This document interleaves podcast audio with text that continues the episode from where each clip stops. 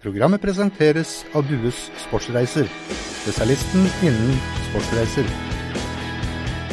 Hei og velkommen til uh, fotballradioen på selveste Lucia-dagen. Har du uh, sunget Lucia-sangen i dag, Jesper? Ikke da, men det er en sang jeg har sunget mye opp igjennom. Lussekattene de har alltid smakt godt. Uh, Svein ble levert i barnehagen i Damås, og da var det visstnok lussekatter og noe godt i glasset. Jeg var ikke der. Det var Trine, så hun kom god og mett ned på skolen, hvor hun har vært eksamensvakt.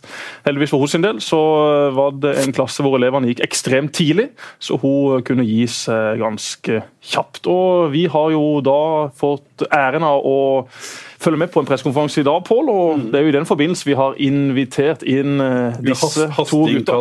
Ja, vi uh, fikk bare raska med oss to personer fra den uh, pressekonferansen nede på Sparebanken Sør Arena, og jeg vil jo faktisk si at fangsten er relativt bra. Nå har det vært en stund siden vi var innom dette studioet sist. Det har vært litt forskjellige grunner til det. Blant annet vært å besøke Kristoffer Ayer i Glasgow. Det kan vi ta litt mer om etter hvert, men vi skal først og fremst ta og ønske Rune Jacobsen og Tor Christian Karlsen velkommen.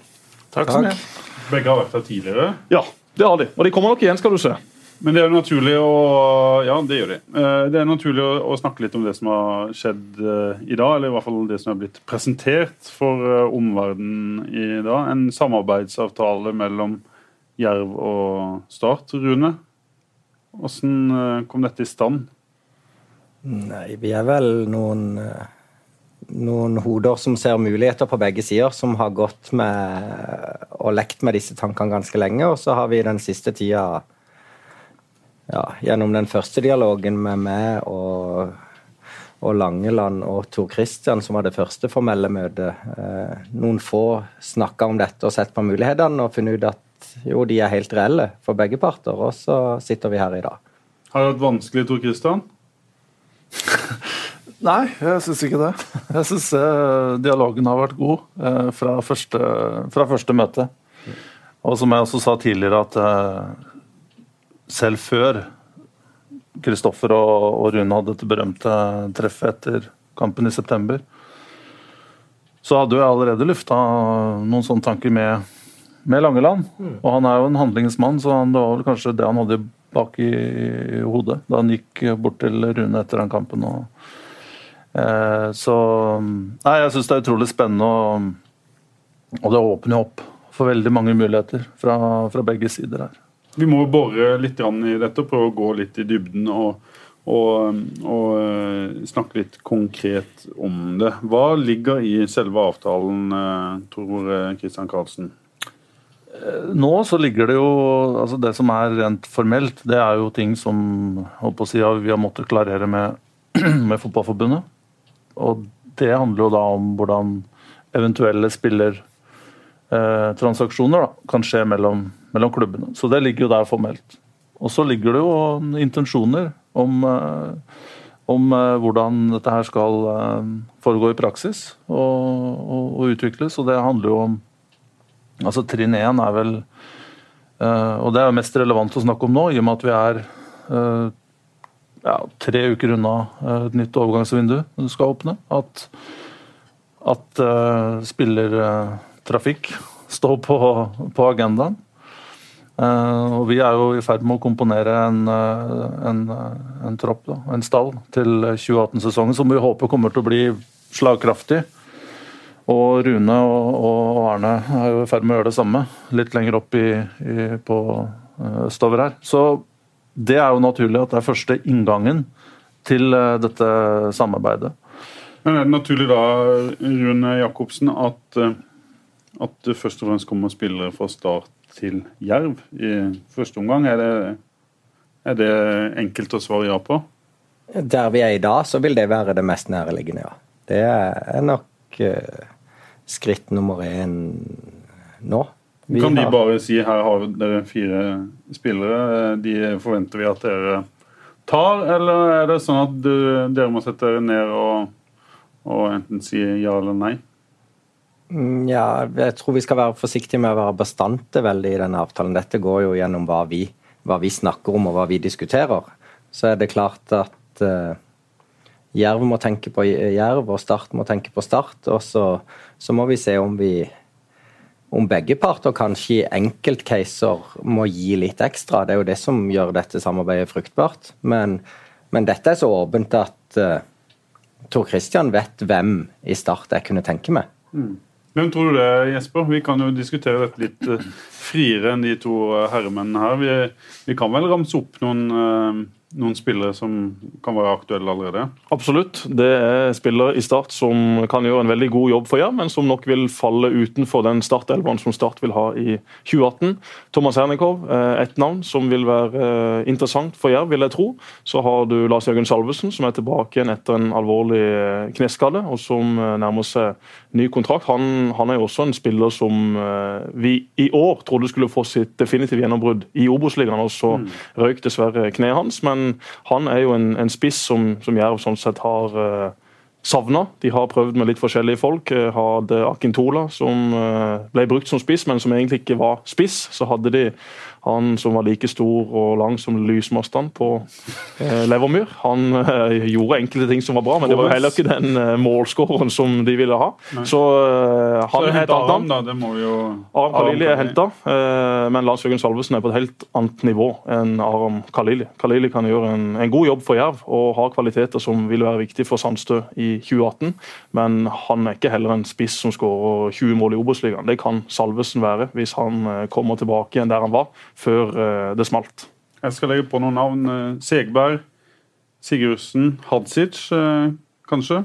Ja da, absolutt. Det er også spillere som er på et nivå som gjør at de vil videre i Obos-ligaen. Så gjenstår det å se om det blir i Jerv, eller det har også vært interesse fra, fra andre Obos-klubber. Så Sandstø har nok ganske klare tanker sammen med Jacobsen om hva slags spillere de trenger inn. Og så er det vel en logistikk som skal pågå der borte. Og for de har jo mista en del spillere fra, fra denne sesongen. Vi har mista litt, og noen har gått ut av kontrakt. og Så vet vi at dette er levende, så det kan fremdeles hende at, at det skjer noe hos oss. Selv om de fleste som er på vei ut, er ute nå.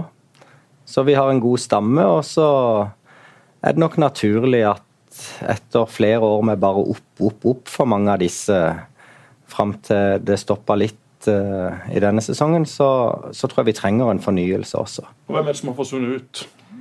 Nei, altså av de, Hvis vi begynner bak, så har vi mista Stian Christensen som keeper, så vi trenger en keeper. Det er helt åpenbart. Vi kan ikke ha bare én. Eh, så har Nils Petter gitt seg. Eh, så har Doffen, som har vært sentral og vært hos dere stadig vekk, eh, gitt seg. Kristoffer McConagher og Nils Petter Andersen var ja. for de som ikke kjenner Andersen har gått til Fløy, og McConagher skal han jobbe videre i klubben? han eh, i administrasjonen på fulltid, så han er godt i gang. Han Spennende. sitter og koser seg med regnskap i dag. Så greit. Ja. Og framover på banen? Så er Toft eh, ute av kontrakt. Eh, så vidt eh, jeg kjenner til, så har han ikke signert for noe nye ennå. Så har vi hatt David på lån fra Midtjylland, som returnerte til Midtjylland. Og så har Danso dratt tilbake til Nederland. Eh, og Gomez eh, har dratt tilbake til Boavista i Portugal, som også var på lån. Eh, så da ser vi at vi har noen hull å fylle. Når dere skal gjøre vurderinger, Tor Christian, eller ikke når dere skal gjøre vurderinger, men er det sånn at Mark Dempsey må inn og få en oversikt og ha en del treninger før dere bestemmer dere for hvem som kan være aktuelle, eller har dere klart bilde av det allerede i dag? Um, jeg tror det blir Altså, Mark har jo sett Han har jo sett alle kampene fra i fjor. Så han har jo et veldig klart bilde av hvordan altså egenskapene til spilleren og hvordan, hvordan de passer inn i, i, den type fotball som han ønsker å spille. Mm. Så, ta eksempel Lars Jørgen Salvesen, som ikke har spilt mm. på lang tid og vært ute lenge med skade, som så ut som han kunne være en veldig viktig for Start i, i året som, eh, som, var. Er det sånn at han får en, en sjanse til å Hvis han signerer, da, nå er jo ikke det kanskje banka ennå, men at han får en sjanse til å bevise at han kan være en spiller for dere i år? Altså, nå for, forskutteres det veldig mye her. Først fra Jesper. Det er jo ikke noe nytt at han, at han har sterke, sterke meninger. Men det, ja, det, det er ytringsfrihet i, i Norge, sist jeg sjekka. Den tar vi i bruk. Ja, den tar vi bruk. Ja, ja, hver eneste dag. Flittig, flittig brukt her i podkasten her. Det har jeg hørt selv. Men uh, altså det uh, kan, ikke snakke, du... kan ikke snakke konkret om navn, og det, det er ikke rettferdig heller. Og, men uh, jeg tror poenget er jo at at og, og, det her har og Nå må du jo tro meg på det, at vi har ikke snakket om navn. Nå kan vi kanskje begynne å, å, å tentativt begynne å, å, spekulere og snakke litt, men det er jo viktig at vi får dette på plass først. At vi har rammeverket og at vi har betingelsene. At vi har samme, at vi går inn i dette her med samme mentalitet om at vi skal lykkes. Og Da kan vi begynne å se eh, på, på de andre tingene. så Det var viktig for oss å gjøre det, det formelle først. Og så er det jo klart at uh, En dimensjon her er jo behov. Og det er, det er, jo ikke interessant. Altså, det er i vår interesse at spillere skal få spilletid og kunne utvikle seg dit de går. Det er jo en helt uh, vitalt element av, den, av det konseptet her. Så det er jo verken i Jervs eller vår interesse å, å på en måte skippe spillere opp, eh, opp, til Grimstad bare for å gjøre det. Da kan de like godt reise et annet sted. Eller, eh, eller, eh, eller bli.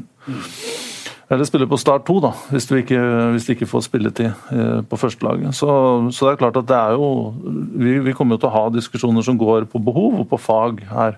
Hvordan, og så blir det jo en diskusjon etterpå eh, hvordan vi, vi, gjør det konkret. Økonomi, eh, hva kan eh, sies om det? Er det, er det klarlagt hva hvis en spiller i Jerv blir interessant for Start og spiller i Eliteserien, hva Start f.eks. skal betale? Det, har dere diskutert og avtalefesta sånne ting? Nei, det er ingenting vi har diskutert på, på forhånd. det. Så i, i, utgangspunktet her så er det jo ikke Det er ingen det er ingenting som er fastsatt i det økonomiske, men det gir noen muligheter for begge klubber, dette. Så det er ikke sånn at det står en fast pris for en spiller fra, fra Jerv til Start. Eh, absolutt ikke. Det vil jo avhenge veldig av hvem det er, og, og hva spilleren er verd.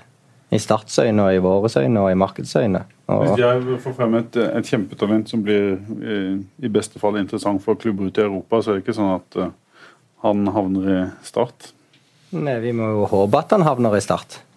Uh, og at vi får det vi er fornøyd med, og at Start får den spilleren de vil ha. Og så kan det jo hende at han tar enda et skritt etter det, og så er begge parter fornøyd. Mm. Så, så, det må jo være eh, ønsket. Og så, så, er det jo sånn som Tor Christian sier når dere helt naturlig kommer inn på navn, for det er det dere er opptatt av, og det folk ute i Garda er opptatt av, uh, så, så må vi også huske her at når vi begynner å prate navn, eh, som kommer ganske, og behov ganske snart, så, eh, så må vi også ha en respekt for spillerne oppi dette.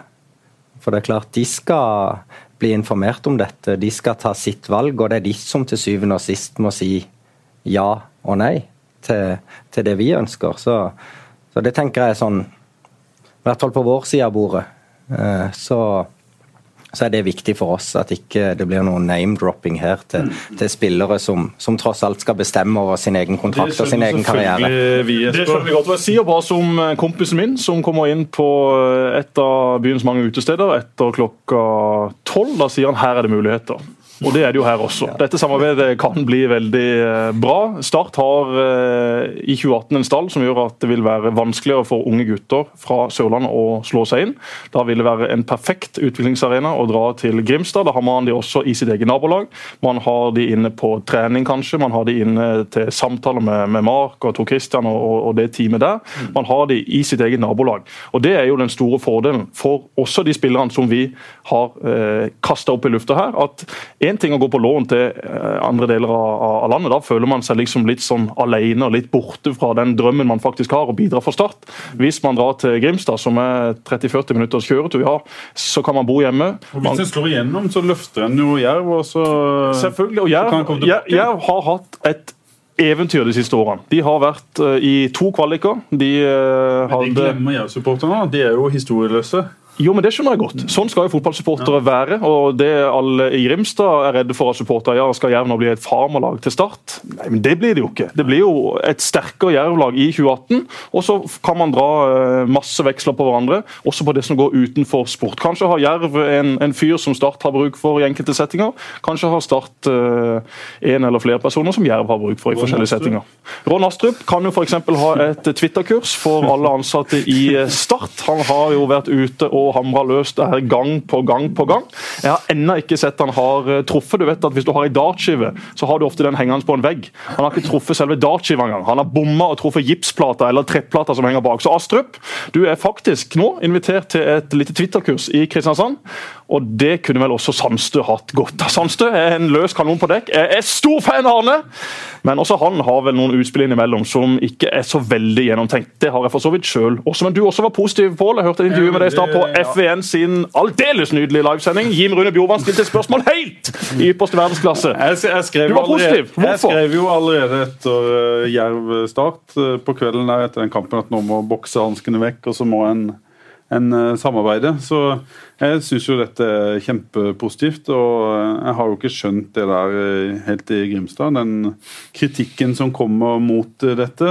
Jerv var for fire-fem år siden en fjerde-femtedivisjons... Nei, tredje- Men du kan jo samtidig skjønne det, for du- du se vet jo hvordan er. Hadde MK gått i kompaniskap med Start den gangen i 2004, så kanskje de Det som er hadde sant. vært der Jerv nå. er jo mye mer solid enn det MK var. Ja, for en kort periode. Det er ingen naturlig eh, grunn til at Jerv skal være en toppklubb i Norge i, Nei, jeg, i mange år. og det- Nei, men det topp skjønner topp 20? Er det ikke, er det ikke rundt der Ja, som skjønner det nå. Ja, ikke sant? Jerv vil være topp 20. Ja. Det er samme som Sogndal har. og Da vil de være med å kjempe om opprykk hvert eneste år. Og Og Hvis Jerv klarer det, så er det fantastisk. Det vil de jo gjøre ved hjelp av denne avtalen. Og det er en sunn, det er en sunn eh, målsetting, men det er ikke en sunn målsetting å ta opp eh, kampen mot Start, som skal være et uh, topplag, som de kanskje var i ferd med det er helt for enig Men samtidig år så siden. forstår jeg supporterne i Grimstad 100 Ja, ja. som nettopp har fighta med Start om å rykke opp, og som kanskje burde slått Start i disse kampene. de Men de klarte ikke å preppe banen sin, for de spilte på en isbane i første oppgjør, Ja. og da var det vanskelig. Og litt av de holdningene til supporterne syns jeg har vært i, i eh, både i styret og i klubbledelsen i Jerv tidligere. Det tror jeg de er litt eh, kvitt nå med denne avtalen. Og det å gå inn i kompaniskap med Start gjør jo at Jerv får et kjempefortrinn i forhold til Fløy, eh, Vindbjart, de klubbene som eh, kanskje er naturlige konkurrenter for Start her på, på Sørlandet. Det er ikke lenge siden eh, Jerv, Fløy og Vindbjart var i, i samme divisjon. Og Arendal, det er tre år siden, fire år siden, så var de i samme avdeling i andredivisjon.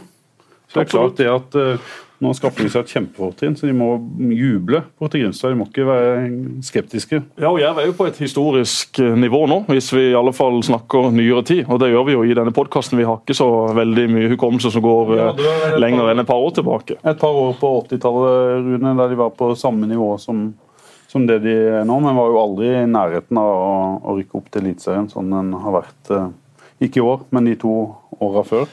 Det var, det var han ikke den gang, og det er vel den holdt på å si, den, den fjerne, men relativt nære historien for mange av de som, som er på brakka i Grimstad og klubbhuset i Grimstad, som har drevet og drømt seg tilbake til 80-tallet med Men det er jo ingenting med denne avtalen som eh, hindrer Jerv Eller en drøm om opprykk til Eliteserien, er det det?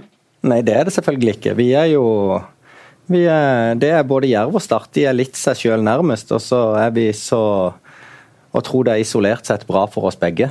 Eh, Og dette er jeg helt sikker på at kommer til å gjøre oss sterkere allerede i år.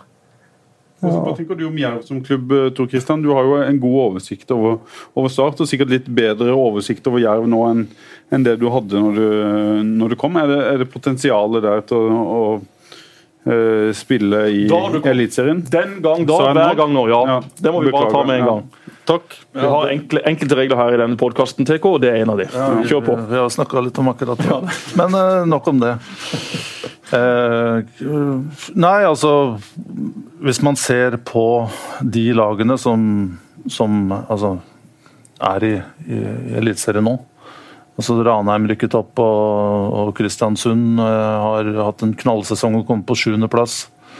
Og man ser eh, Sarpsborg, da, som starta på en måte fra et mye lavere punkt enn det Jerv er. Altså Jerv har etablert seg som et godt Obos-lag. Og det er frykta, og selv om det stupte litt på slutten av sesongen, men det var jo på en måte Levemyr er jo frykta sted å og reise dit. Så det er jo ingenting i veien for at Jerv ikke skal kunne, kunne knive i toppen av Obos. Det det er jeg helt overbevist om. og jeg, jeg tror at det vi har gjort i dag, eller det arbeidet som har kulminert med avtalen, vil styrke Jerv sine muligheter til å, til å gjennomføre det. Og så, må vi, altså jeg, jeg har jo kun vært her på, på Sørlandet nå et knapt halvår. da, Jeg syns det er et fantastisk sted å være og flotte mennesker. og Og nydelig natur og ikke minst fine fotballag. Men folk er så vanvittig sentimentale. Og, men så kan vi ikke tenke litt fremover. Jeg liksom bare hører ja, men det skjedde der, og, og jeg hører på dere også. Det er, som, det er så mye om fortiden her.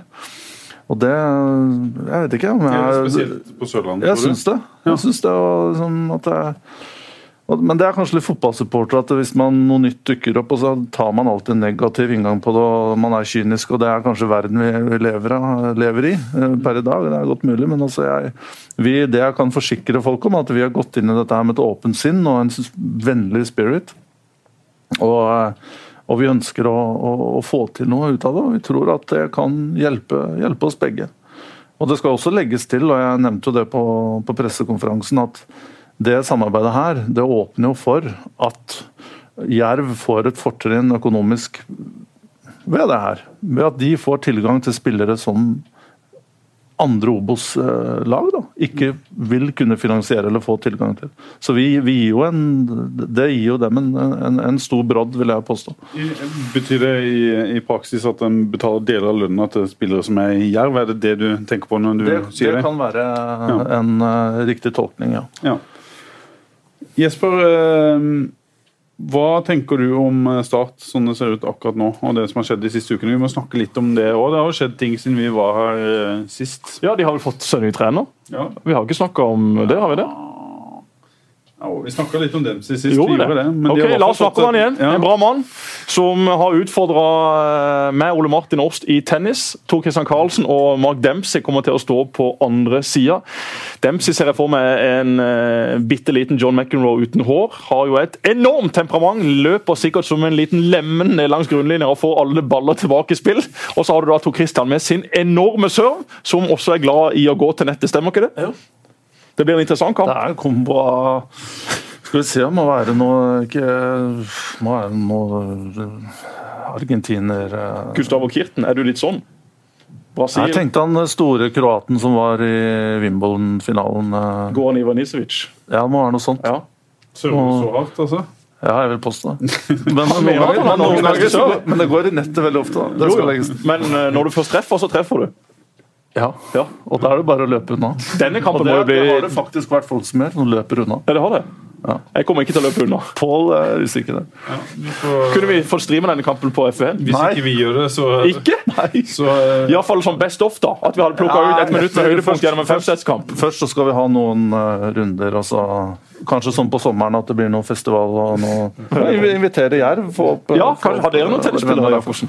Jeg tror, jeg tror det er dårlig med tennisspillere. Altså. Jeg tror, tror jeg ikke, jeg tror tror jeg ikke vi og Toppland hadde kunnet matche det startlaget. Det tror jeg ikke. Det tror jeg ikke. Men du kunne sittet i i- sekretariatet. Du har alltid hatt orden i sysakene dine. Du kunne hatt orden på, på stillinger og på andre ting. Ja, selv på så rar måte kan jeg telle riktig. Ja, veldig bra. Ja, men det koker jo i Start. Tenk å være Start-supporter i disse dager. Det er jo helt ufattelig gøy. Først så fikk man henta en trener som er enormt eh, flink, som har vist eh, i de klubbene han har vært at han får ting til, og som også har en veldig høy, veldig høy standing hos de eh, spillerne han har hatt, hos de trenerne han har jobba med osv. Så, videre. så det er jo ei stjernesignering. Og så kommer det Vi, må ta det først. Så må du si litt om, om Mark Dempsey. Vi har ikke hatt der etter at han ble ansatt, uh, Tor Kristian. var du ganske tidlig klar på at når Start skulle ha ny trener, at, det var mannen? Er det riktig tolkning? Det er riktig tolkning igjen, uh, Pål. Vi- Ja, høy, høy treffprosent. høyere, enn dine, sier du. Eh, ja, trolig. Men eh, eh, lavere risiko på, på servene til Pål her, da. Det skal sies. Men spørsmålet er kanskje jo da. hvorfor, da? Du kan forklare hvorfor han er en uh, bra mann for, Nei, vi, vi føler at uh, han uh, er Han er bringer mye energi. Altså For meg så er det veldig viktig at en trener får maksimalt ut av spillerne. Det tror jeg Mark gjør.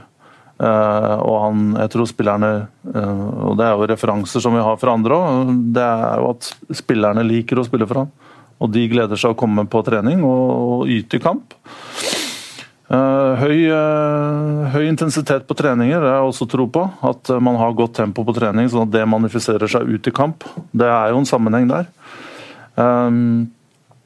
Og at han Ja, han kjenner jo også norsk fotball. eh, og har en, jeg synes, en offensiv eh, tilnærming til både fotball og livet og, og omgivelsene, som vi trenger kanskje i start, akkurat på det tidspunktet her. Så han, altså Hvis du deler opp alle disse boksene som, som, vi la, til, uh, la som basis da vi søkte etter en trener, så skåret han høyt. Er det en boks oppi et hode, eller er det en boks på et ark som dere har brukt som verktøy? Det er på et ark. Ja.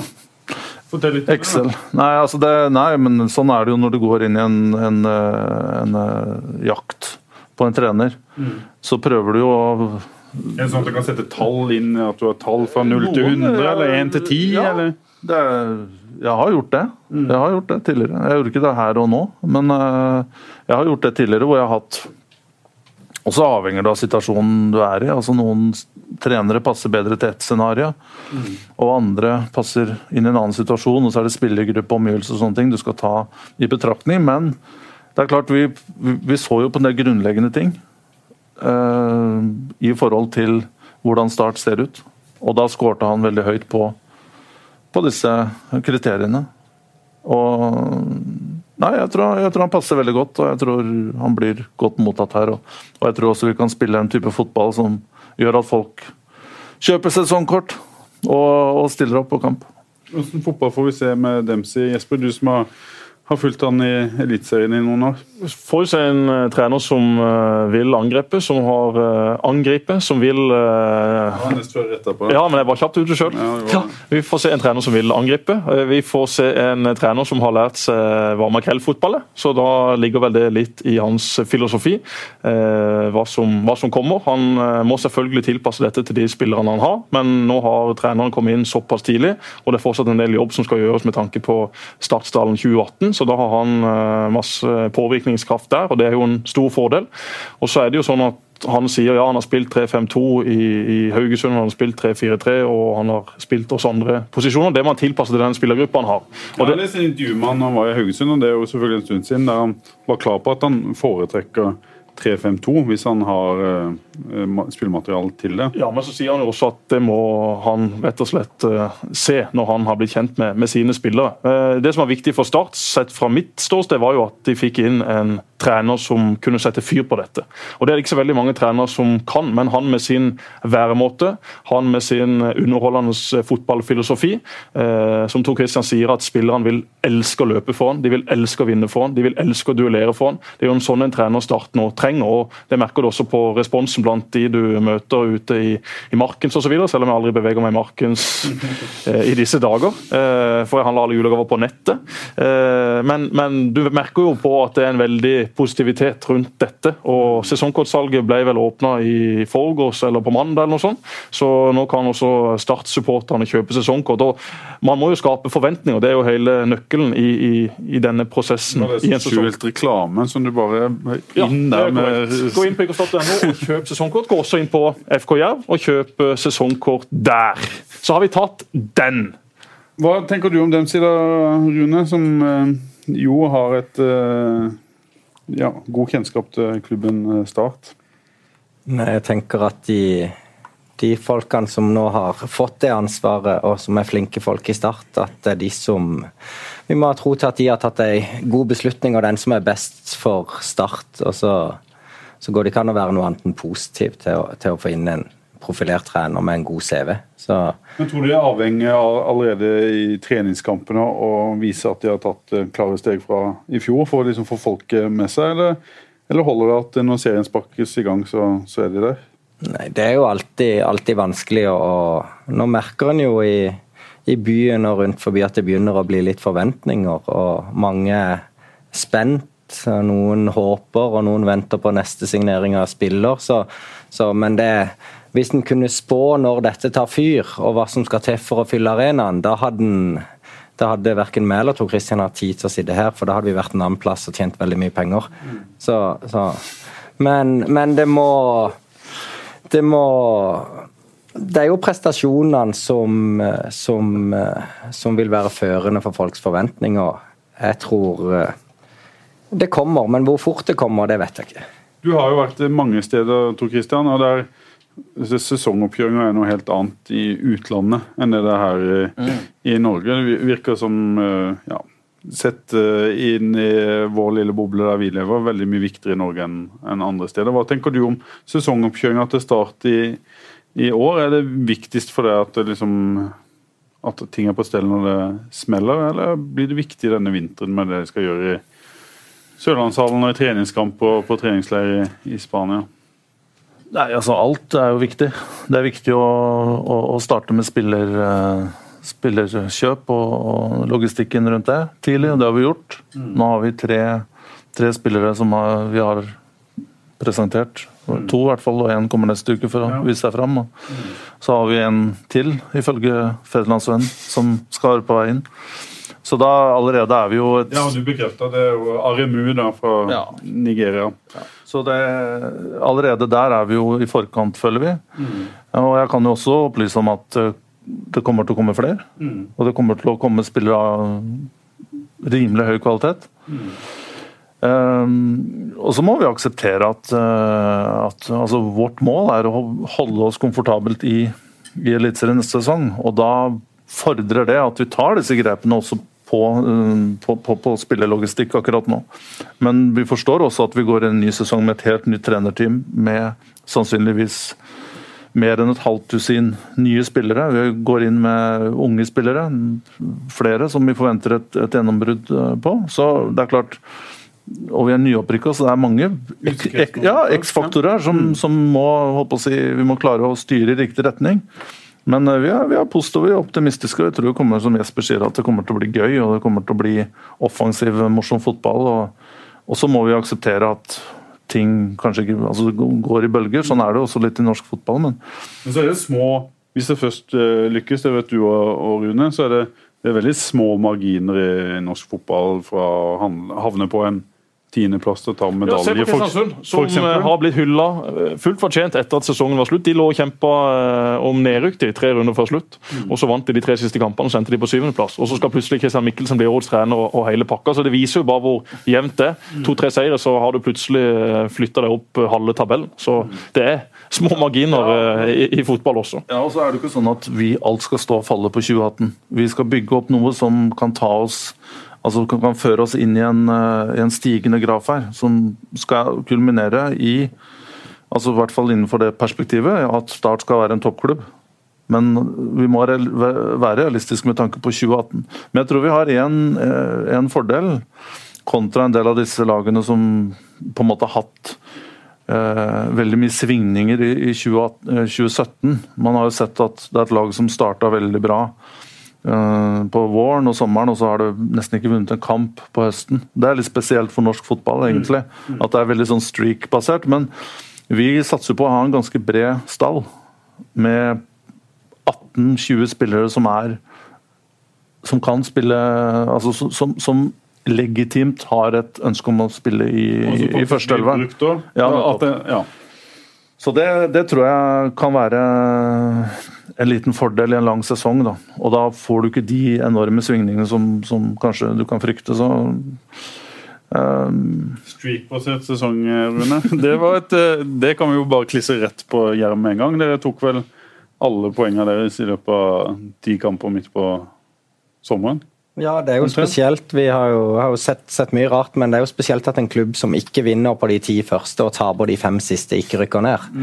Eh, det er veldig spesielt. Eh, så, så en veldig merkelig sesong for oss, hvor vi vi hadde en Hva gjør dere med det, da? Nei, det er jo å se hvor, hva er grunnen til dette. Altså, vi har jo Nei, det er sammensatt. Vi har eh, vi har bomma litt på spillerlogistikken til fjorårets sesong.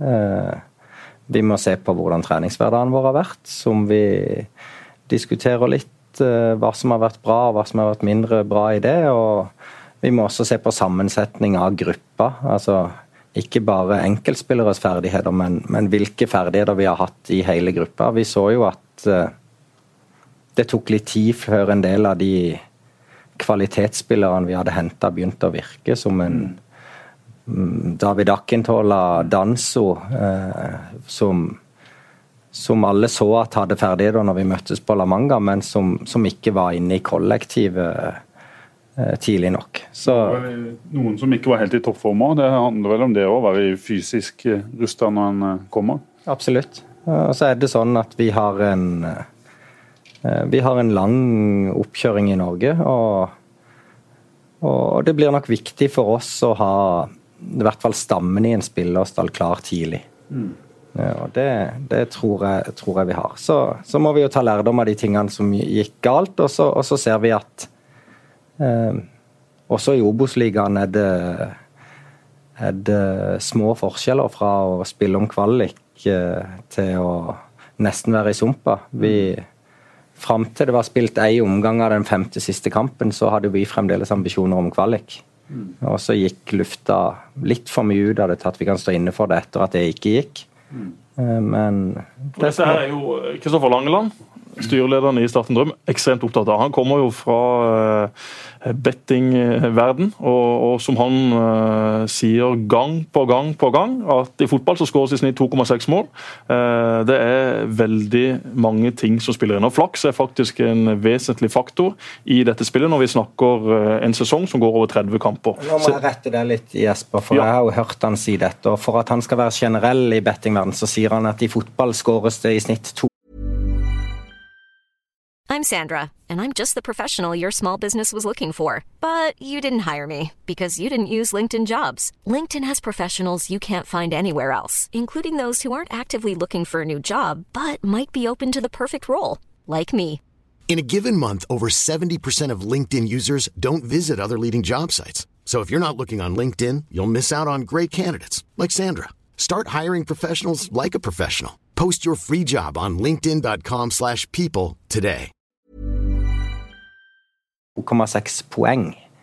Eh, mens det i håndball skåres f.eks. 60 poeng. Sånn at han bruker samme terminologi. Ja, Okay, ja, men Nå snakker jeg jo kun om fotball. Men målene er et poeng, ikke sant? Ja, okay, ja. 2,6 poeng. Ja, jeg, jeg bruker fortsatt mål, for jeg mener at eh, i fotball så, så, eh, så skåres det mål, og så snakker vi ikke hva de gjør i, i hens. Men i fotball så skåres det 2,6 mål, og da er jo uh, marginene veldig små på om du ender som nummer 10 eller som nummer 4. Og Det skal ikke unnskylde Jerv sin sesong, for det har garantert vært ting der som ikke er gode nok. Det sier Rune også.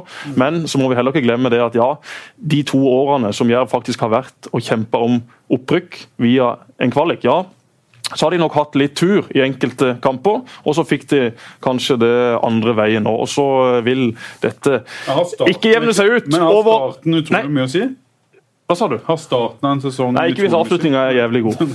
Da går det greit.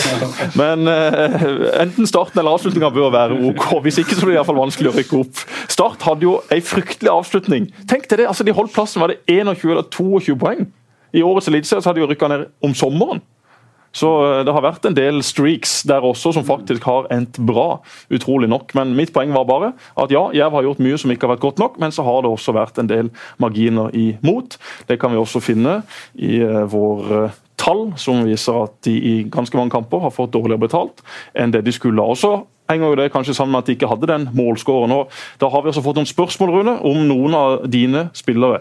F.eks. Alexander Lind. Hva er status på han? For det var en spiller som var ekstremt god i eh, 2016, og så har vi eh, Alexander Lien, som Rune kanskje kan snakke om. At Ja. han holdt på å brekke nakken i løpet av fjorårssesongen. Så får Rune velge om han eh, vil snakke om det. Hvis ikke skal jeg gjøre det etterpå.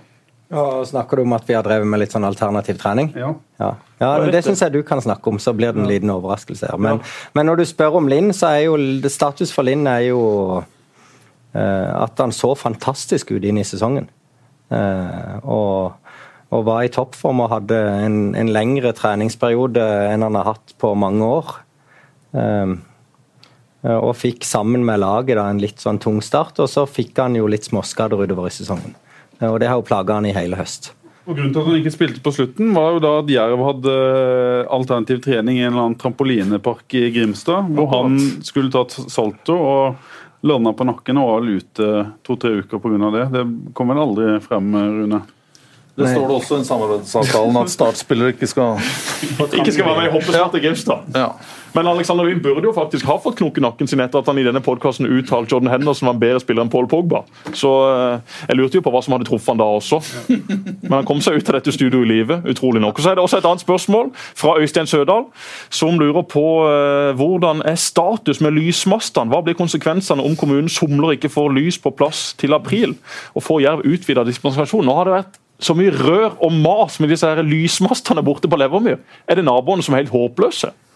Ja, Altså, nå er jo, heldigvis er vi bare leietaker. Ja. Eh, Så, Det er kommunen vi, som står for så det er kommunen som Ja, vi gjør egentlig, vi sender det videre til Grimstad kommune. Og, Ja, men Jeg kjenner ikke så ufattelig mange mennesker i Grimstad kommune, så du må nesten gi oss et så, nei, nei, status er jo at eh, teknisk etat i, i Grimstad kommune har gitt sitt innspill. Det har vært diskutert om det skal være høye eller lave master. Eh, Eller om de skal kunne senkes ned og heves igjen. Og De har da gitt en konklusjon på at det skal være høye master.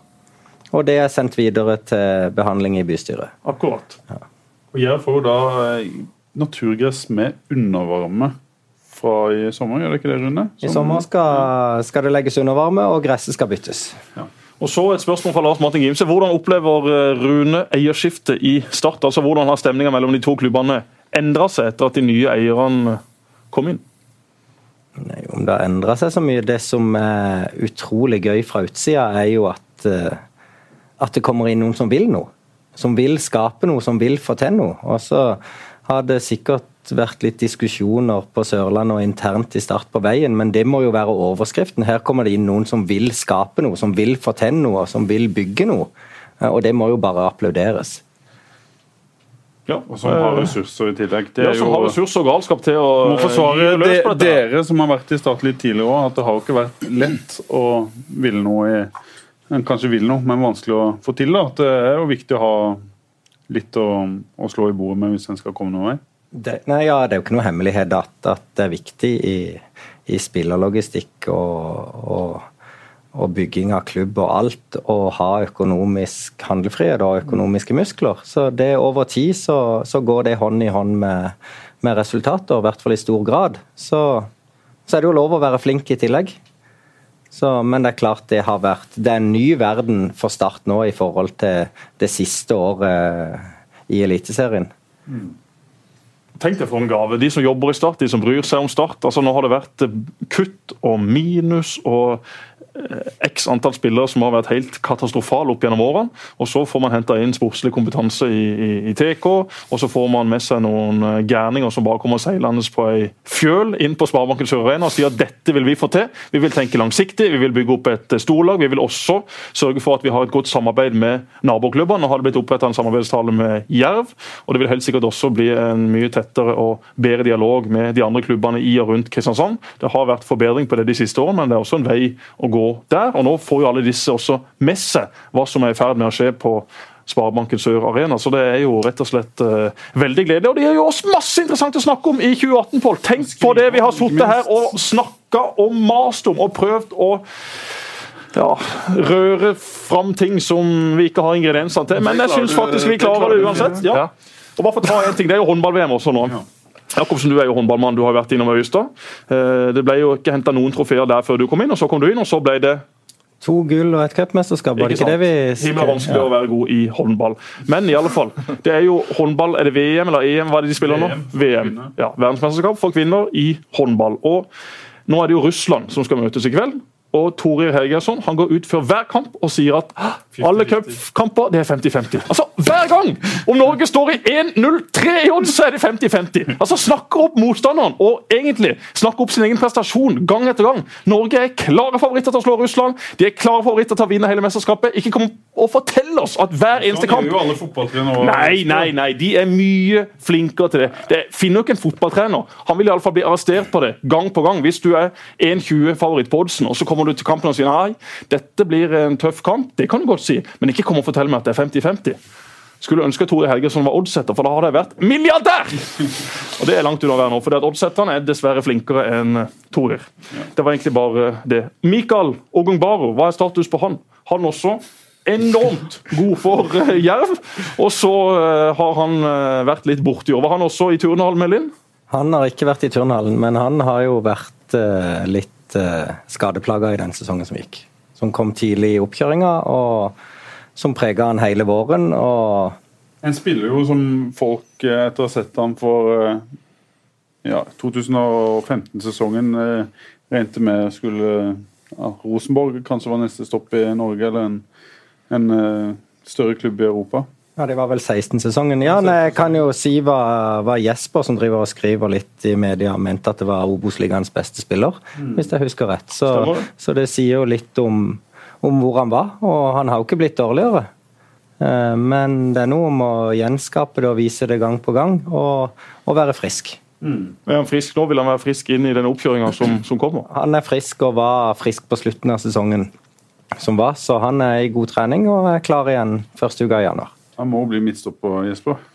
Ja, han kan bli eh, en strålende midtstopper. Han Han spilte jo midtstopper mot eh, Stabæk på Nadderud. Eh, da var han outstanding, ja.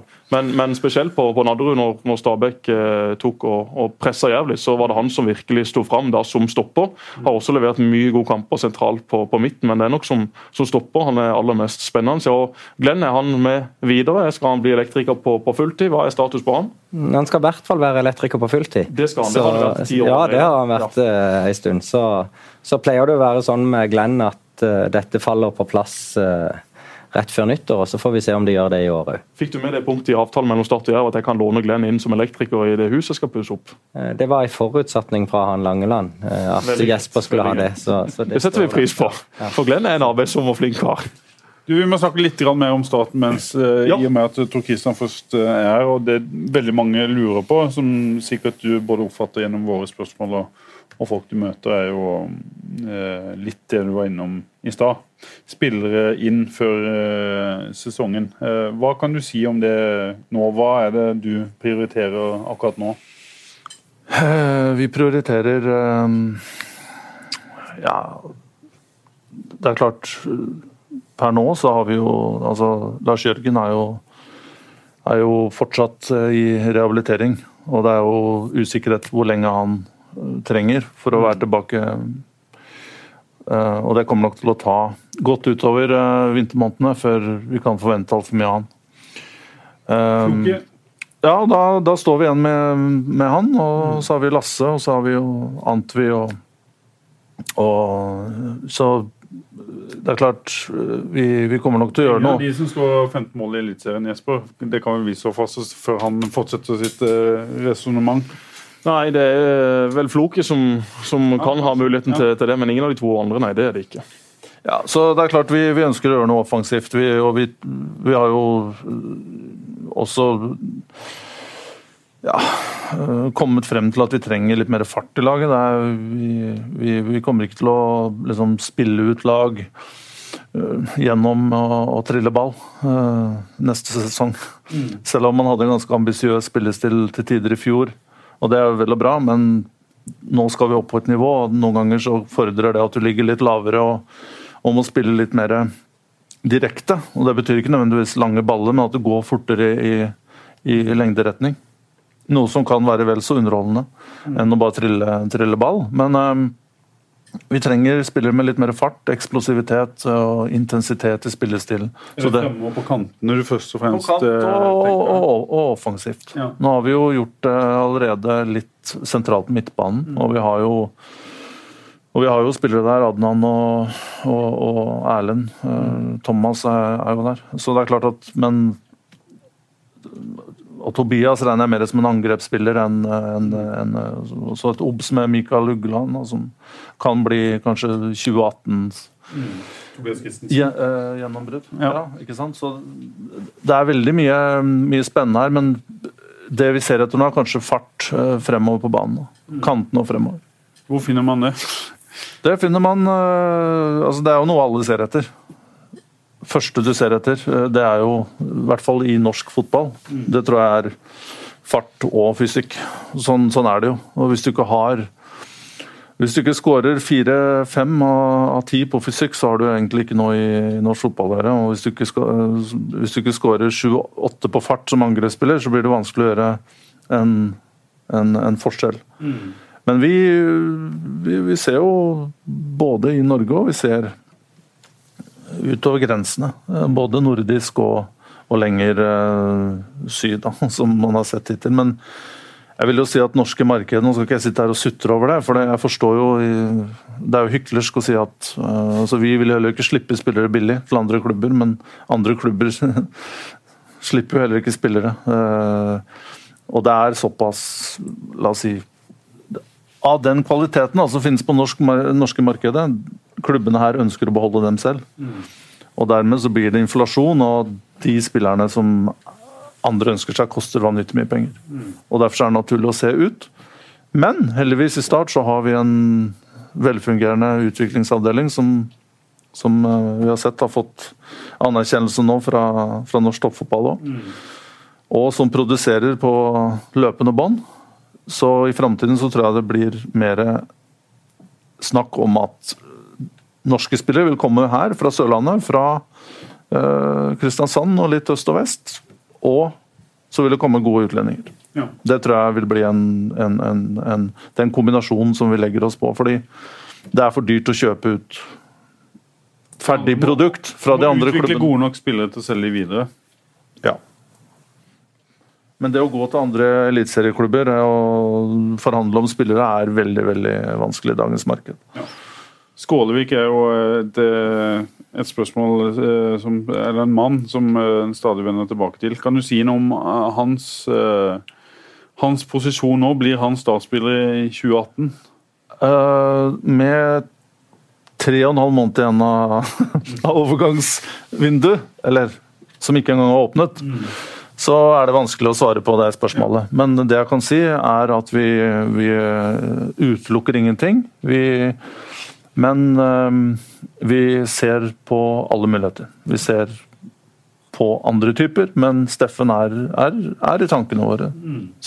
Brann Men, seg med litt av hvert der oppe, så, så, de må jo snart eh, beholde noen spillere også. Haugen blir ikke med videre, Skånes blir ikke med videre, Gilly Roland sånn at han kan nei. Også i den situasjonen at han kunne ha ett år igjen av av kontrakten. Nei, to, sier Tor Kristian, som har mye mer greie på enn meg. Da skal jeg ikke ta mitt uh, resonnement noe, noe, lenger enn det. Nei, da stopper vi det der. Ja. Men et par ord om eh, islendingen som ble presentert i Stats julekalender her eh, sist ja. uke. En uh, ung spennende eh, spiller som har fått mye skryt av Mathias Williamson i min eh, WhatsApp-innboks. Han uh, skrev at Ja, jeg skal finne det fram her. Jeg holdt jo på å gå en smell med den islendingen, for han kom jo ned hit sjøl, og så hadde han med seg ei dame. Og jeg skulle presentere han i Stats julekalender. og og, og, ja, ja, ja. Og, jeg holdt på å tro at dette var kjæresten, men det var mora. Så, så, så, det gikk greit. Jeg fikk, jeg fikk, liksom lurt meg unna, men det var like før. så Det er ikke ofte jeg tråkker i salaten. Eh, noen vil hevde at jeg gjør det ofte. Eh, ja, Torkestad f.eks. Men jeg kommer unna den salaten iallfall. Men må, mens du finner det, Jesper, ta prat litt. Skal jeg finne sporten.com etter hva det er? Ja, Det er jo ei side som ble starta opp for å virkelig ta opp konkurransen med de store nettstedene i Norge. og Så gikk ikke det som eh, de hadde håpt det skulle gå. Det gikk egentlig som det måtte gå. og Så ble vel det solgt til eh, noen polakker som har brukt den sida til masse rart, bl.a. reklame for bookmakere og masse andre nyheter som de bare oversetter.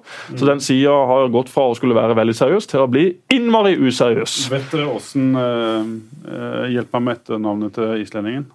Tryggvason? Tryggvason ble presentert på sporten.com. Nei. Start signerer 'Søt islending med øredobber'. det var altså tittelen på ja, saken. Men eh, vet du noe annet angående denne søte islendingen med øredobber? Han var jo eh, også avbilda på altså Islands svar på VG, og da var han avbilda fra Stats julekalender. Så linken til denne Facebook-sendinga var lagt inn i den artikkelen. Så nå har altså Stats julekalender gått internasjonalt. Vi håper nå at uh, Tor Christian henter en kineser i det neste vinduet, slik at vi kan få virkelig høye seertall. Kan du fikse det? Har du noen gode kontakter i Kina? Ja, jeg har det, faktisk. Ja. Men uh, jeg tror Facebook er blokkert der. Ja, det er kanskje det. Men uh, kunne, du, fått, kunne du og Eivind fått åpna det? Ja, Eivind får jo til det meste. Han gjør det. han gjør det. Men det vi er mest interessert i, er jo spilleren. Ja, og, og, bare for å ta det fra Mathias først da. Sønnen til Trygve kjenner han veldig godt. Også tommel opp. God gutt, har selvtillit og balls. Altså, eh, Uten at jeg skal gå lenger inn på det, så, så vil vel det si at han har guts og fullt trøkk ute på banen, og det er vel det som har vært viktig. Driblekant, uredd i spillestilen og bra teknikk. Har sett han litt og har hørt veldig mye godt. Og så er også Mathias fornøyd med at Dempsey har blitt signert. En bra trener, som han sier, og godt jobba av TK og co. Ja, vær så god. Jeg vet ikke hva man skal legge til. Og... Du har sett Ja. han eh, mye mer enn det vi har, Ja. antageligvis. Ja, ja, ja. ja. Forhåpentligvis. ja. Nei, vi hadde jo Altså, det er jo Han har vel vært involvert i landslag siden han var 15. Og debuterte vel slutten av, før han ble 16 da, på Island. Det er klart at da vekker det oppsikt. Og da så er det jo litt sånn element der med Trygve og sånne ting. Og så blir det jo til at man følger disse her. Og Vi som husker hans far, en eh, veldig kjapp venstrebeint eh, ving. Eh, er han Ja, målskårer eh, Ikke så veldig veldig kjapp, men kjapp i hodet. Ja. Så han kom seg kanskje så litt kjappere ut enn det han var for han var liten. Men eh, målskårer, da. Absolutt spilte vel også spiss. i Ja. å spille wing. Ja, 4-4-2. Ja. Men um, Og har jo bodd da, Vår eh, nye venn i Kristiansand fra Island har jo da bodd i Norge i seks-syv år opp gjennom sin Mens oppvekst. faren spilte Ja. Ja. ja, Og Stabæk. ja da. Så han Så de er jo godt kjent med Norge, og det er jo godt utgangspunkt. Og, og kjenner jo Joey, så jeg tror sånn hva gjelder integrering og sånt, så skal vi komme lande på beina der. Eh, Og han kan jo allerede norsk, så det er jo bra. Men eh, nei, vi har fulgt han her, og Andreas reiste da til Bulgaria for å gjøre en siste sjekk på han. U19-landslagsoppdrag. eh, Og fikk eh, gode, gode tilbakemeldinger, og da valgte vi å, å slå til mens vi hadde sjansen. For det er også sesongslutt på Island.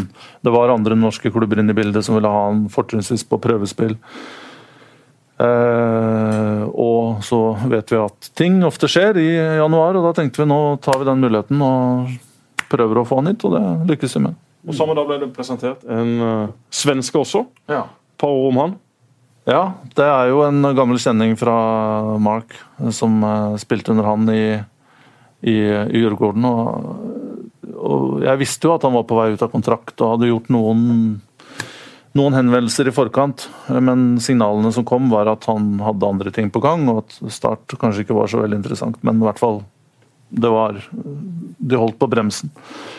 Men eh, så fort eh, Mark eh, skrev under her, så gikk det så gikk ting veldig fort.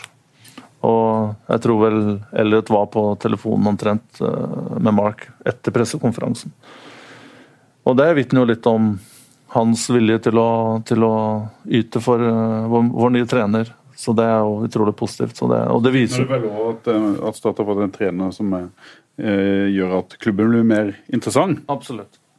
Og han Så, så vi snakka litt òg på telefon, og, og har et veldig godt inntrykk av han. Og det er klart at en spiller som har, som har spilt på et såpass høyt nivå i Sverige, at han kan være med å bidra fra dag én her, det er jeg ganske sikker på. Men eh, nå skal jeg være litt djevelens eh, advokat. Dere har Espen Børufsen, dere har Henrik Ropstad, og så har dere Rolf eh, Daniel Vikstøl, som er ja, tre stykker som kan eh, bekle en venstre kantposisjon i 3-5-2 f.eks. Hvorfor da hente en til? Forutsatt at de blir av det. vet Ja, man jo. Nei, vi har jo, jeg har jo hele tiden sagt at vi skal ha dobbeltdekning på alle posisjoner. Eh, og Rolf eh, kan jo også spille midtstopper, og Henrik kan også spille midtstopper i, tre bak. Det er jeg ganske sikker på, selv om han kanskje ikke har gjort det før. Men han har jo fysiske og eh, altså forutsetningene til det. Så det kan jo være en ting som Mark muligens tenker på, med, med begge de to. Men eh, så det det ene utelukker ikke det andre her. Og det er veldig viktig for oss at vi har en, en, en, en, stor en, eh, også en type annen rolle, mer sentralt, eller kanskje også som en spiss? Det kan være ting som blir testa ut i sommer, men Mark har jo ikke vært er jo ikke, Og det var faktisk en av, en av forutsetningene også i den trenersøken at vi skulle ikke ha en dogmatisk trener som kommer inn. Og det er jo noen trenere, jeg skal ikke nevne navn, som sier jeg skal spille 4-3-3. Og da blir det plutselig sånn eh, For vi, den stallen som vi har, eller hadde, da, den var litt skjev i på en måte Altså, det, den Det ga jo ikke et bilde av, at, av et klart system. Og da krever en trener som kommer inn og kan gjøre det beste ut av det som er der. Samtidig som min jobb er å prøve å, å, å, å bygge, da. Work in progress, dette her. Det blir litt uklart uh, det jeg sier nå. Nei, Men, nei, men, uh, Ikke oss. men hvis man kommer inn og sier 4-3-3, så er det sånn at uh, Rosenborg har jo en, uh, hatt en sånn tilnærming, i hvert fall. At de skal, uh, at de skal hente spill, nei, en uh, trener som tilpasser seg et Ja. system som ligger der. Jeg eh, har veldig stor respekt for Rosenborg og det de har fått til, og, men jeg forstår ikke det. Jeg syns det er rart. Og jeg ser ingen, ingen trenere som jeg har jobbet med, eller som jeg ser opp til, som ikke har vært pragmatiske. Altså det for meg er en veldig en av de mest altså viktigste kriteriene til en god trener, at han kan bruke det han har. Vært I hvert fall i norsk litt, litt pragmatisk i Rosenborg. Vi har jo sett i Europa nå i, i litt andre systemer enn en Ja, 4-3-3. absolutt. Det er klart at Hvis vi hadde vært Ajax eller Rosenborg eller Bodø-Glimt for den saks skyld, og hatt på en måte en rød tråd som vi hadde jobba oss gjennom i 20 år, så hadde, hadde det kanskje vært mer naturlig å, og hentet en 4-3-trener og, og, og bygd sp- spillelogistikk etter det, men vi er ikke der. Og Så får vi se om vi kanskje ender der på en eller annen måte i framtiden. Men, Ja, det var vel også som vi snakka om i sist uh, podkast. At eh, skyte Selvfølgelig, du kan skyte inn så mye du vil. at jeg tror Mark, hans utgangspunkt er at han kommer til å komme inn, han kommer til å se på spillerne, han kommer til å gi dem en sjanse han kommer til å ha. Vi starter med spillesamtale 7.1, hvor, hvor han skal snakke direkte med, med hver og en. og Snakke litt om ambisjonene, hvordan de ser seg, ser seg selv, og hvordan de, deres tilnærming til 2018 er. Og så kommer han til å, å bygge et lag ut ifra fra de forutsetningene. Så det er ingenting som, som jeg sier, Han har et først, førsteinntrykk, men folk starter på blanke ark Ja. når, eh, når treningene begynner. Unnskyld. Ja, nei, nei, det, det, det, det jeg skulle si at vi, Som vi snakket om i sist podkast, er jo klart at Start er jo nå eh, kommet til et eh, punkt hvor man skal hente inn en ny trener. Ja, Så kan man ikke hente inn en trener som skal spille den og den sti- stilen, fordi at spillerstallen har vært litt blant drops med tanke på eh, posisjoner, med tanke på ferdigheter, med tanke på at det har vært litt kaotisk de siste årene. Så kanskje om tre-fire år til så kan Start si dette er fotballen Start skal spille, dette er den posisjonen Nei, si, eh, Helvete. Dette er den formasjonen vi foretrekker å spille. Eh, men akkurat nå så kan man jo ikke si det. Så da er det smart og lurt. Det betyr jo fortsatt det samme, så eh, da får jeg ta med på den også. Men det er da å få inn en trener som kan tilpasse seg litt dette. Før vi går mot slutten, så må vi også fortelle om eh, vår tur til Glasgow. For Ayer er jo en fast lytter i den podkasten. Ja, den skal han få. Og han har jo reist over dit, og blir jo da trent av Brendan Rogers. Har egne økter med Kolo Abib Touré etter øktene for å bli en så god midtstopper som mulig. Vi så Celtic mot Anderlecht i Champions League. Aya på benken, kom ikke innpå. Celtic tapte 0-1.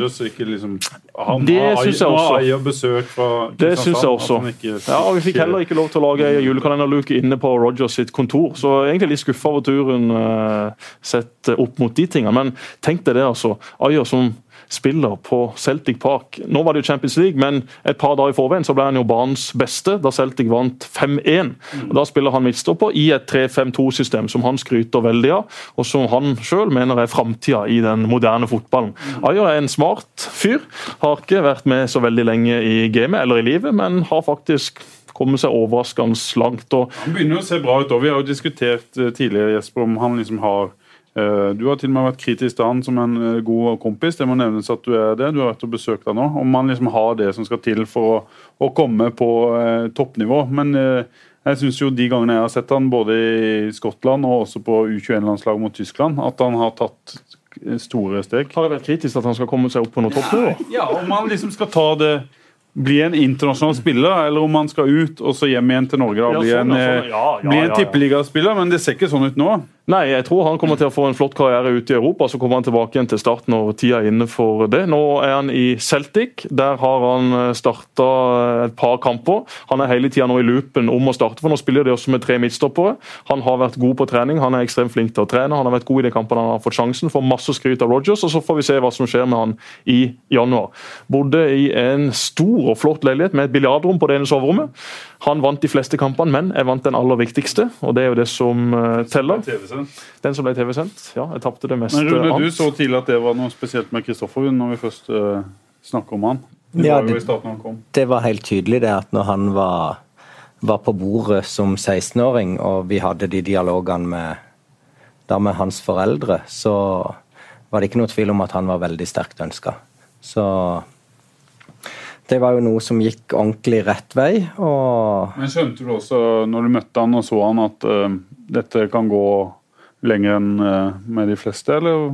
Ja, det ene var jo fotballspilleren, det andre er jo gutten som person i ung alder, som var veldig moden og hadde den evnen til å se egne prestasjoner i et riktig lys. Mm. Og det er jo kanskje noe som som ofte går igjen hos de som utvikler seg og, og kommer langt, at de klarer å se seg sjøl eh, på en riktig måte. Mm. Og Det som slår meg med Ayer, er jo at han er litt sånn unorsk i den forstand at han, han, tør å ta ansvar og tør å gi instruksjoner. Og, altså ledertype.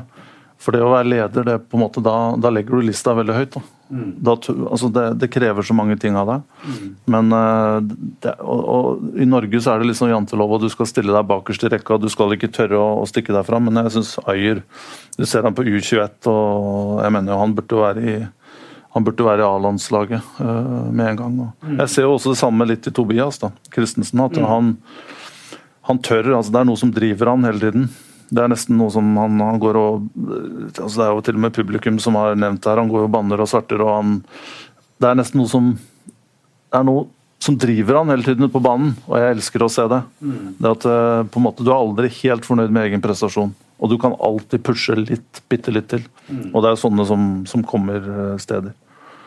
Ja, og Ayer, som, som, eh, som Kristian sier, bør være en del av Norges A-landslagstropp i 2018. Hvis han bare nå kommer seg til en klubb hvor han får spille regelmessig, for det har jo vært det de har brukt mot ham, at han ikke har spilt. og at en del av de kampene han har spilt, hvor stor defensiv utfordring er det å spille for Celtic i den skotske ligaen f.eks. Det er disse tingene eh, Per Joar Hansen og Lars Lagerbäck bruker sånn sett mot. Han har vært god for U21-landslaget, men vi har jo ingen gode norske midtstoppere. Nordtvedt og Reginussen har sånn sett vært OK, men eh, de andre som har prøvd seg i den posisjonen, har ikke vært i nærheten. Så Ayer bør selvfølgelig være ekstremt nærme. og Hvis han nå bare får spille, enten det er i Celtic eller i en annen klubb, om det er i Championship, eller om det er i Tyskland eller om det er i, ja, i, i andre land, så, så, er han ekstremt nære. og Nå blir det Nations League etter sommeren som Norge skal være med i, hvor man da skal møte en del motstandere som ikke er all verden, som man har alle muligheter til å slå. og Så blir det da kvalik i i 2019. Så uh, fremtida den er lys for Ayer. Som Tor sier, altså person Ayer er god venn med han. Han skal ikke få for mye skryt, men han er jo, han er jo enestående på, på, det settet. At han er så ung som han er, det er det jo veldig få som tror når de har uh, møtt han. Han er uh, riktignok enda litt naiv på enkelte ting, men det vokser han nok av seg ganske snart. Så det var hyggelig å besøke han der borte. Celtic Park, 60 000 på tribunen. You'll never walk alone. Altså For et eventyr å få lov til å spille på de arenaene. Jeg er jo selvfølgelig kjempemisunnelig der jeg sitter med Emma Emanuelsen, Bransdal og Larsen på tribunen. Men Ayer han fortjener det. Han har jobba ekstremt hardt for dette. Vært så dedikert sammen med sin far og sin mor og hele bøtteballetten. Det eneste jeg utsetter på familien Ayer i disse tider, er en gratulasjon som kjæresten til søstera la ut på Facebook. Jeg skal ikke lese den opp, jeg skal ikke si mer om den saken, men det er faktisk det verste jeg noensinne har lest på Facebook. Det var altså en hyllest på tre-fire av fire sider av en kjæreste, og de har vært sammen i ett kvarter. Uff a meg. Du, vi, vi, skal avslutte. Bare sist, uh, Tor, uh, Christian, uh, Tobias Christensen, som du var innom. jeg vet ikke om jeg kan si at du sendte han ned til Monaco for ja, er det ti dager siden, eller? Ja, han sendte seg selv dit. Ja. Han reiste i hvert fall til Monaco. Går ut fra at du hadde en finger med i spillet? Nei. Nei. For, fortell åssen Tobias satt i Monaco. Nei, Han har kommet dit av egen, egne meritter. og ja. Monaco har vært uh, reise rundt mm. hele verden og se på de beste spillerne i, i forskjellige aldersgrupper. Og, og etter uh, å ha kikka på han, så, så dumpa det inn en invitasjon. Ja. Tror du at uh, kan dumpe noe annet ned i e-mailen din også, eller? Et, et bud? dumper mye rart inn i mailen min i disse dager, eh, Pål. Det skal vi ikke ta her. Men, Men er det der at uh... Nei, altså det, det, er en, det er en fin opplevelse for han. Mm. Og jeg tror det er en viktig opplevelse. Han får se hvordan det fungerer i en av verdens beste fotballklubber. Altså når det gjelder talentutvikling og, og, og akkurat det, De er så flinke til å behandle akkurat det trinnet som han er på nå, da, mellom mellom 17 eh, og, og, og 21. De dytter jo inn på 17-18-åringer så eh, så fort de bare kan. Og de får lov å feile, og de får lov til å holdt på å si, utfolde seg. Da. Og, så det her blir utrolig lærerikt for Tobias, men at han har en fremtid utenfor, utenfor Sørlandet og, og, og, Norge, er det jo Men må forstå at han skal slå igjennom eh, i Eliteserien og så bli solgt videre? Han eh, skal videre. bli med oss og spille neste sesong. Mark eh, gleder seg til å få hendene på han, øh, rett og slett. Og form, hjelpe til å forme han.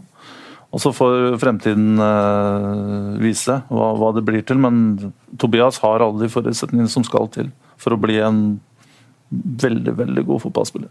Og tenk så bra at Start bare dytter de ut. Ja, selvfølgelig skal du få lov til å reise. Det var ikke sånn i min tid. Da var det en, eh, en trener som gjorde alt han kunne for at ikke vi skulle reise ut. Og Det er jo veldig gledelig å se nå at eh, ja, eh, Starts attraktive spillere får et tilbud om et treningsopphold eller hva det skulle være. Ja, så selvfølgelig, reis, få inspirasjon, få med deg erfaring. Og Du følte sikkert også at dere kanskje hadde en trener som ikke var flink til å gi ungguttene sjansen. Det er vel Mark Dempsey òg kjent for, at han er ikke redd for å skyve noen unggutter ut i krigen. Nei. Og han har jo også jobbet på akademi, så han forstår han forstår jo hvor spillerne er i utviklingen. Og han har jo altså Jeg tror også med altså Mark er en type som han, han elsker å se de unge spillerne. Han mener altså Det å se at Det å forme potensial, det derre det, det er jo noe av det som han liker mest med trenergjerning. Jeg tror vi må stoppe der. Vi har holdt på eh, lenge. Det er jo sikkert biler som, som eh, har fått eh, gule parkerings... Nei, nei, nei, for Jeg har denne fantastiske appen Easy Park. Din parkering utløper nå om 14 minutter, men jeg kan jo bare snurre det hjulet, så kan jeg stå så lenge jeg vil. Det har Jacobsen også. Så vi kan egentlig sitte lenge, men vi må vel avslutte, for Ja, det er andre ting som står på programmet også i dag. Det er jo snart jul, og så skal vi jo ha noe å snakke om etter jul òg. Da Det skal vi. Tor Christian må komme tilbake når et Svom eller et Svom eller Tjom. Tjom Ja. Eh, er i gang. Og når denne RMU er i gang, så må vi snakke litt om, eh, om eh, disse òg. Det kommer flere nye, så vi har mye å snakke om. eh, Ja, og Jacobsen og Sandstø skal jo komme. Ja. Jeg, eh, Jerv spesial. ja, en Jerv-spesial. Selvfølgelig skal vi det. Det kommer til å skje mye spennende i Grimstad også. Spennende å se hva som skjer med lysmastene, og så ikke minst hva som skjer på spill- og logistikksida. Jerv har uh, skuffa i 2017. Jeg trodde de skulle være med og kjempe helt i toppen sammen med Start. Det skjedde ikke. Men hvem vet hva som skjer i 2018, Jacobsen. Det kan bli et eh, gøy år. Så skal vi prøve å Vi, vi prøver å ha én fotballradio til før jul. Skal, skal vi prøve det. Jesper? Ja, la oss prøve det. Ja. Så vi gidder ikke si god jul før det er strengt tatt helt nødvendig. nødvendig. Nei, det er ikke det. Og i dag er det jo Lucia, da. Så eh, hjertelig eh, Lucia til alle de som eh, holder på med de tingene. Har du noe forhold til Lucia? Nei. Ikke noe fra Israel eller noe sånt? Det var stille og rolig der òg? Jeg har egentlig ikke noe forhold til jul heller, for å helt ærlig. Okay. Noe særlig grad. Det var godt ikke TK kom i julespesialen vi skal. Da skal vi synge julesanger og virkelig få folk julestemning. Asbjørn Hansen kan komme. Asbjørn Hansen kan komme. Ja. Asbjørn Brekke også. Ja. Ha det bra. Programmet presenteres av Dues Sportsreiser, spesialisten innen sportsreiser.